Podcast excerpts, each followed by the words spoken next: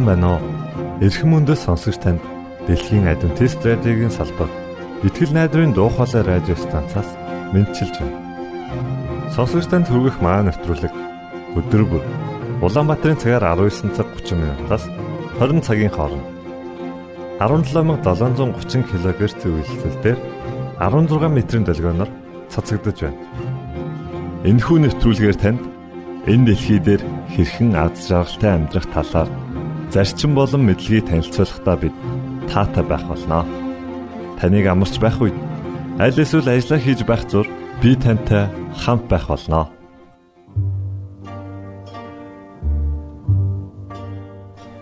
Энэ удаагийн нэвтрүүлгээ бид Silent Night хэмээх дуугаар эхлүүлж байна. Харин үүний дараа X үзлэл нэвтрүүлгийн цуврал дугаарыг хүлээн авч сонсноо. Ингээд хөгжмөдөө Thank you.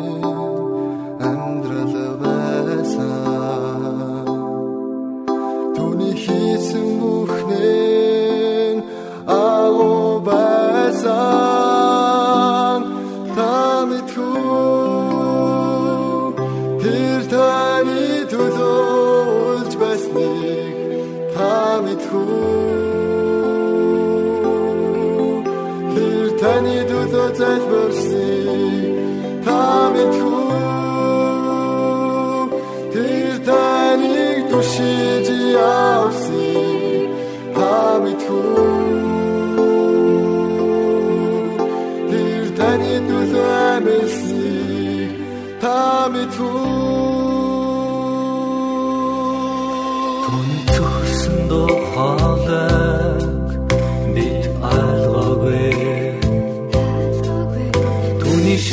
Шаналсан сэтгэлийг би мэдрээгүй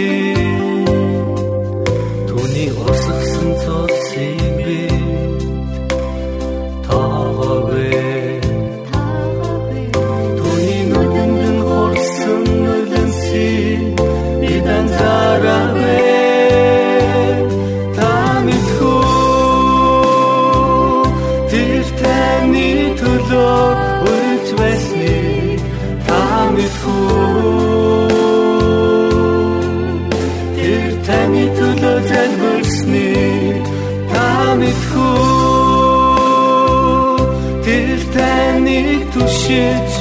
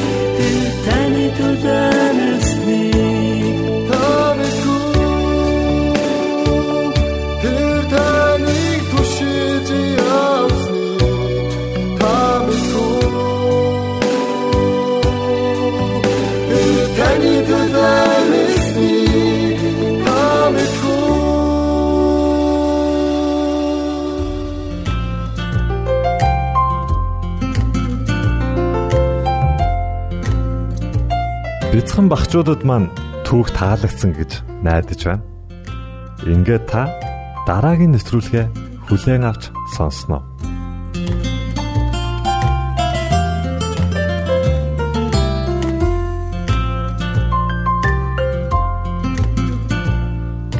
Гимшлийн үчил Өөрт байгаа минь буруутгал өөлж хэлэх алдаа дутагдлууд Ядарч цөхөрсөн хоосон зүрх яг үнэндээ юу ч алгаа миний дотор гадна. Тантай уулзахад яагаад ийм хэцүү байдгийг таныг олж харахад яагаад ийм хол байдгийг хизээ танаас ингэж холдосноо хэлж мэдхийг хүсвч би чадахгүй. Хариулаач гэж танаас асууж бас зөрөглөхгүй. Тэрнээс цааш санахгүй аймаар Твчиж чадаагүй бараан, хар, улаан, цагаан буруутгал тэнд ч энд ч зуралдсан энхэн нэгэнтэй. Ачаа маань даанч хүнд болжээ. Аваачтэй гэж танд бас гомдолсон. Тэврүүлж байсан би таны хайранд дун чалан удаа. Тэгээд бүр үүрүүлж байсан таны нуруунд өдөр бүрл. Амтгүй байна гэж амьдралаа танаар бас амтлуулсан. Тэгээд хатуу байна гэж замаа хүртэл зөөллүүлж байсан танаар. Бэрх байна гэж буулгай хүртэл танд өгсөн өгсөн буцаад ирэхэд байж байгаа ч гэд бурхан таныг би энд хүлээлгсэн. Хэрэг бурхан таны төвчээрт хязгаар гэж байдаг бол хязгаарт тань хүртэл таны гомдоосноо би мэднэ. Буцаж хизээч байгаагүй таны хайр Хувиршгүйг би бас мэдсэн.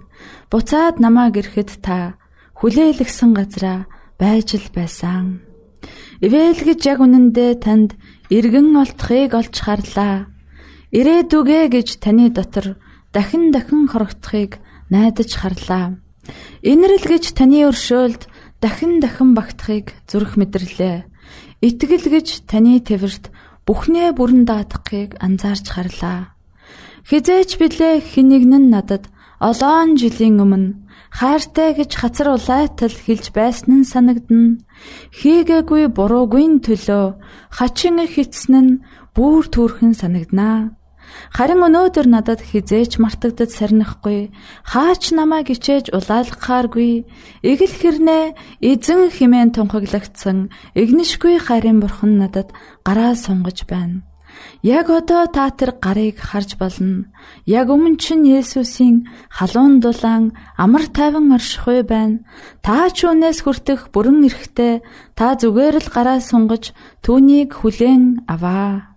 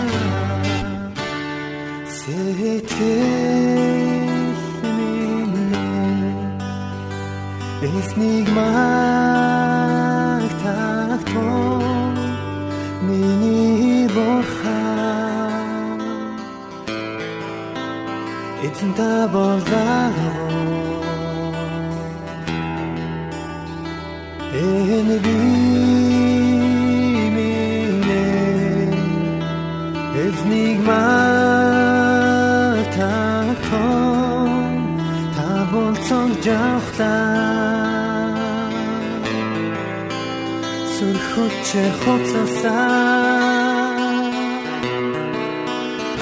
Сэрүмбэ хатмэ Канаттай хамт байдаг тоо Сэтгэмэн таны Үнгийн шүнөрч махтан дурнаа Ойртоход залдангийн дундаарч магтна. Сэтгэл минь эцнийг матахон миний борхан Эцэн та болдагоо энэ би минь эзнийг магтахтон та богцог жавхлаа. Сүрхүчээр хоцосаа 새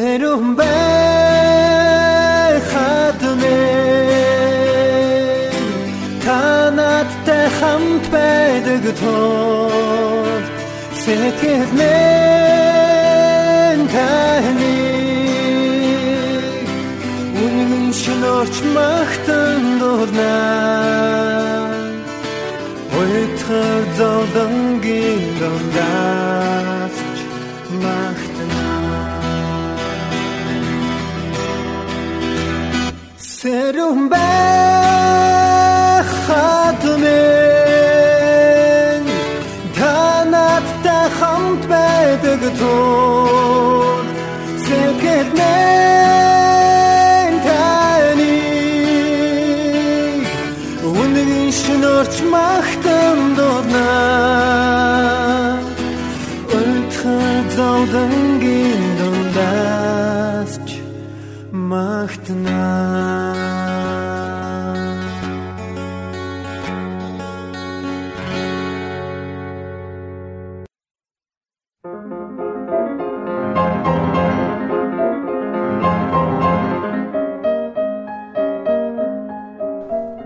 зохиолын цаг.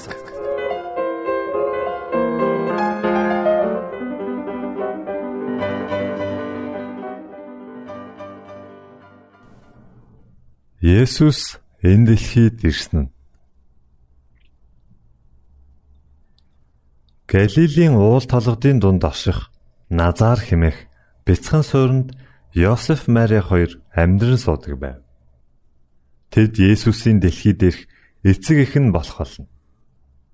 Йосеф бол Давид хааны удам.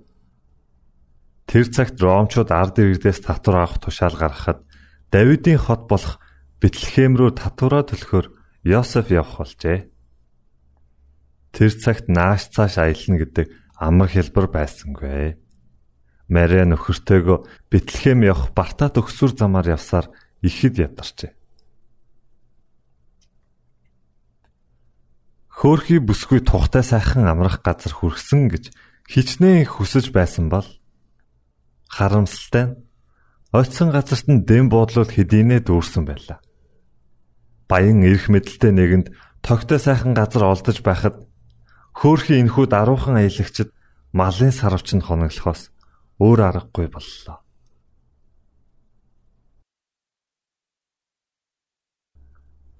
Тэрхүү малын сарвч нь бидний аврагч Есүс мэдлээ.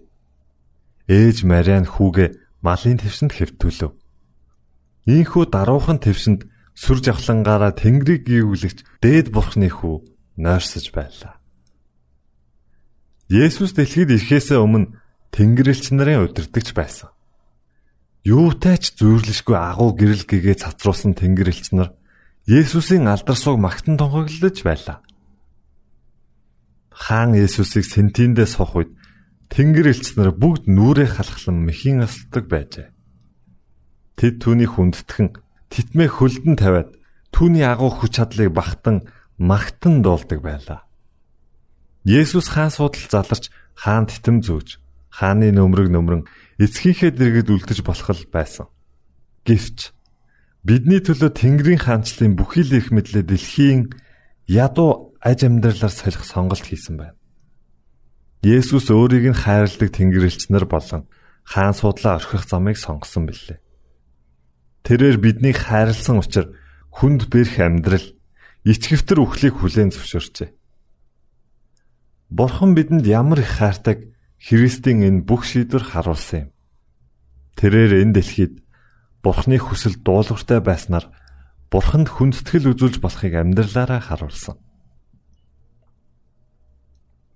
Бид түүний үлгэр дуурайллыг дагахснаар эцэст нь түүнтэй хамт Тэнгэрийн гэр оронд үрд амьдрах боломжтой болох юм. Тэрээр энэ бүхний төлөө ирсэн.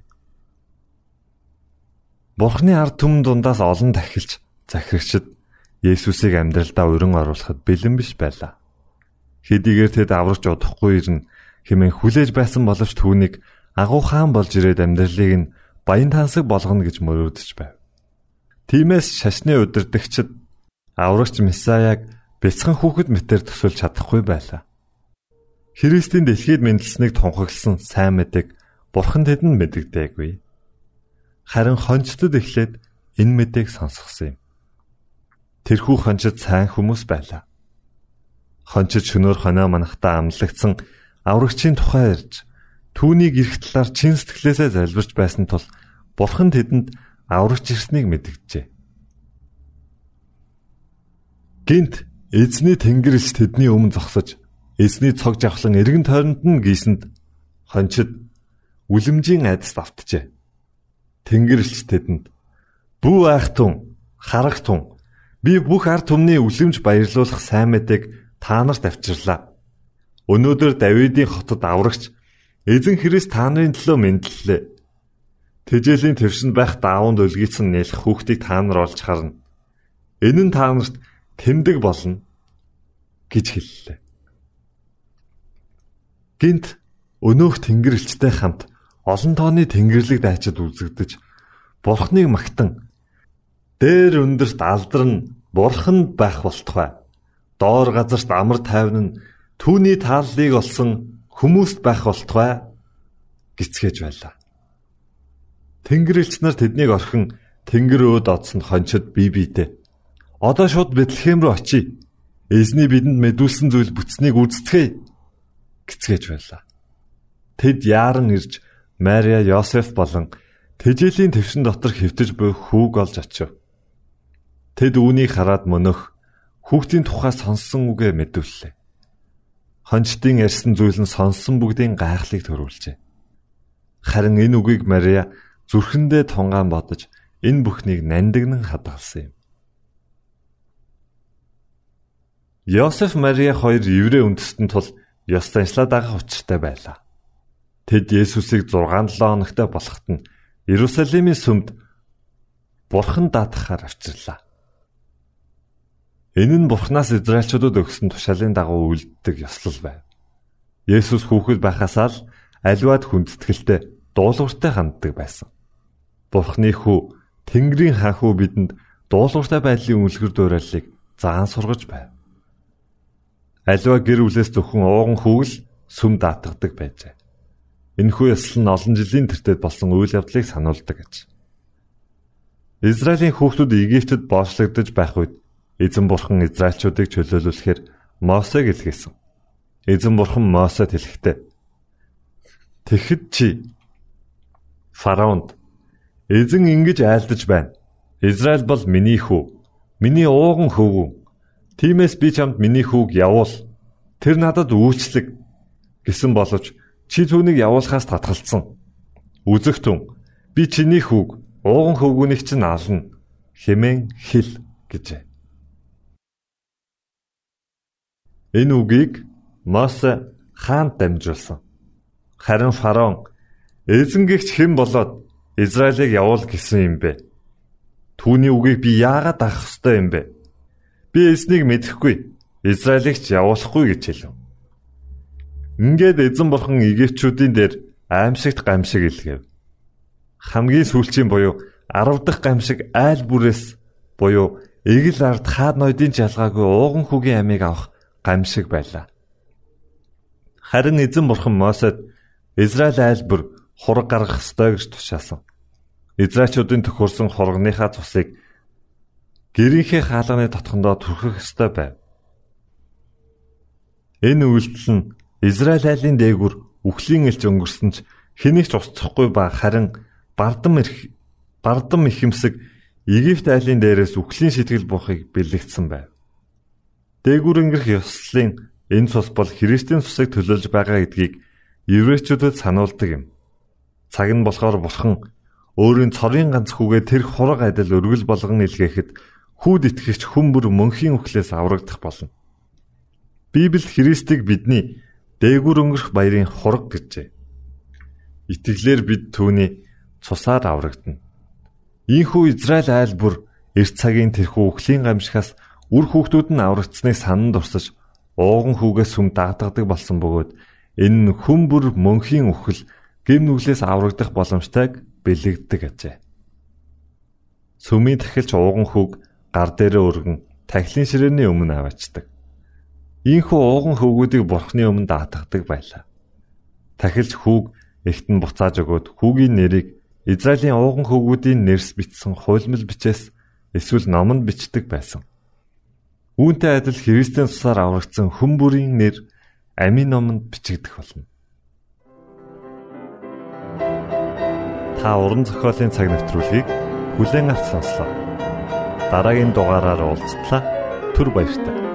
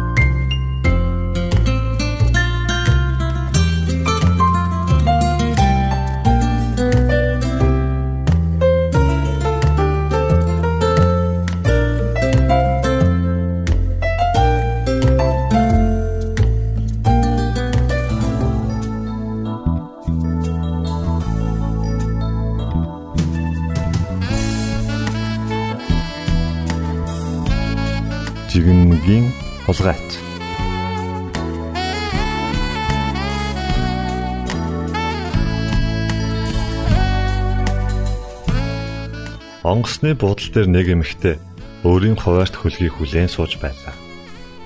Онгоц нисэх хүртэл нилээд урт хугацаа байв. Тимээс онгоцны буудлын дэлгүүрээс нэг жигнэмэг, нэг ном худалдан авчээ.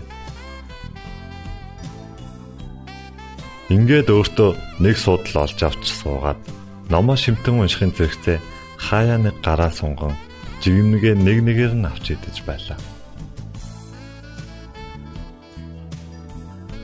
Хэдийгээр хамаг анхаалаа номдоо төвлөрүүлсэн байсан ч хажууд нь ирж суусан нэг залуу өөрийнх нь жигнэнээс хээвнийг аван идээд байгааг анзаарахгүй байхаар байсангүй.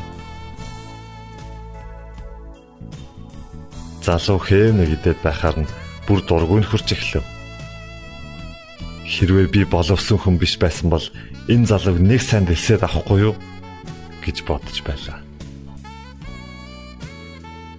Эмэгтэй жигнэг рүү гараа явуулах тоолонд залуу ч гэсэн ичгчгүй гараа сунгаж байлаа. Тэр хоёр инхүү уралдаж ицээр байгаад ганц жигнэмэг өлтөв. Бүсгүй. Одоо энэ яах вэ гэж бодож чамжаагүй байтал нөгөө айхтар залуу гараа сунгаад үлдсэн ганц өмнөгийг аван дундуур нь хоёр хуваагаад талыг нь эмхтээд өгөв. Залуугийн энэ байдалд хүүхний уур маш их хүрсэн ч арай хэж бие барьлаа. Яг энэ үед эмхтэн явах чиглэлийн онгоц зорчигчдоо дуудан зарлаж эхлэв. Эмхтээ залуугаас салахын төс болон баярлаж хурдхан босон цүнх намаа аван босчээ. Жигмнгийн хулгайч руу ч эргэж харсангүй. Ингээд онгоцсондоо ороод сандал дээрээ тухлан суугаад цүнх рүүгээ гараа явуулснаа дуу алдав. Учир нь онгоцны буудлын дээрээс авсан жигмэг нь цүнхэнд нь байж байлаа. Энд чинь одоо юу вэ? Энэ миний жигмэг юм бол яана гэж өөрийн ирэхгүй дуалтав. Залуу жигмэгийг нь дураараа авч идсэн эмхтэд юу ч хэлээгүйгээр багхгүй сүүлийн жигмгээ хүртэл хуваажээ. Уучлал гуйхад тэтэрхий ороцсныг ойлгож байна. Хүний имийг зөвшөөрөлгүй хээвнэг дураараа авч идсэн жигмнгийн хулгайч бол тэр өөрөө байлаа.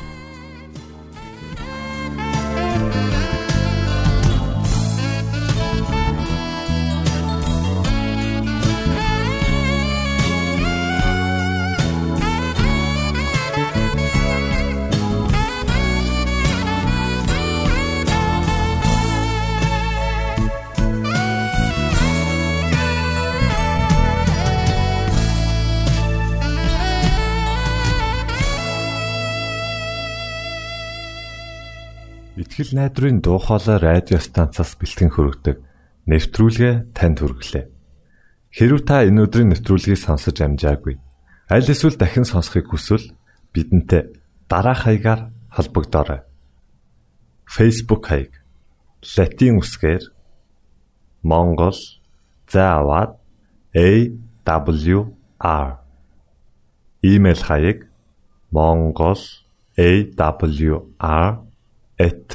@gmail.com Манай утасны дугаар 976 7018 24 9 Шуудангийн хаяг 16 Улаанбаатар 13 Монгол улс Биднийг сонгон цаг зав аваад зориулсан танд баярлалаа. Бурхан таныг бивээх болтугай.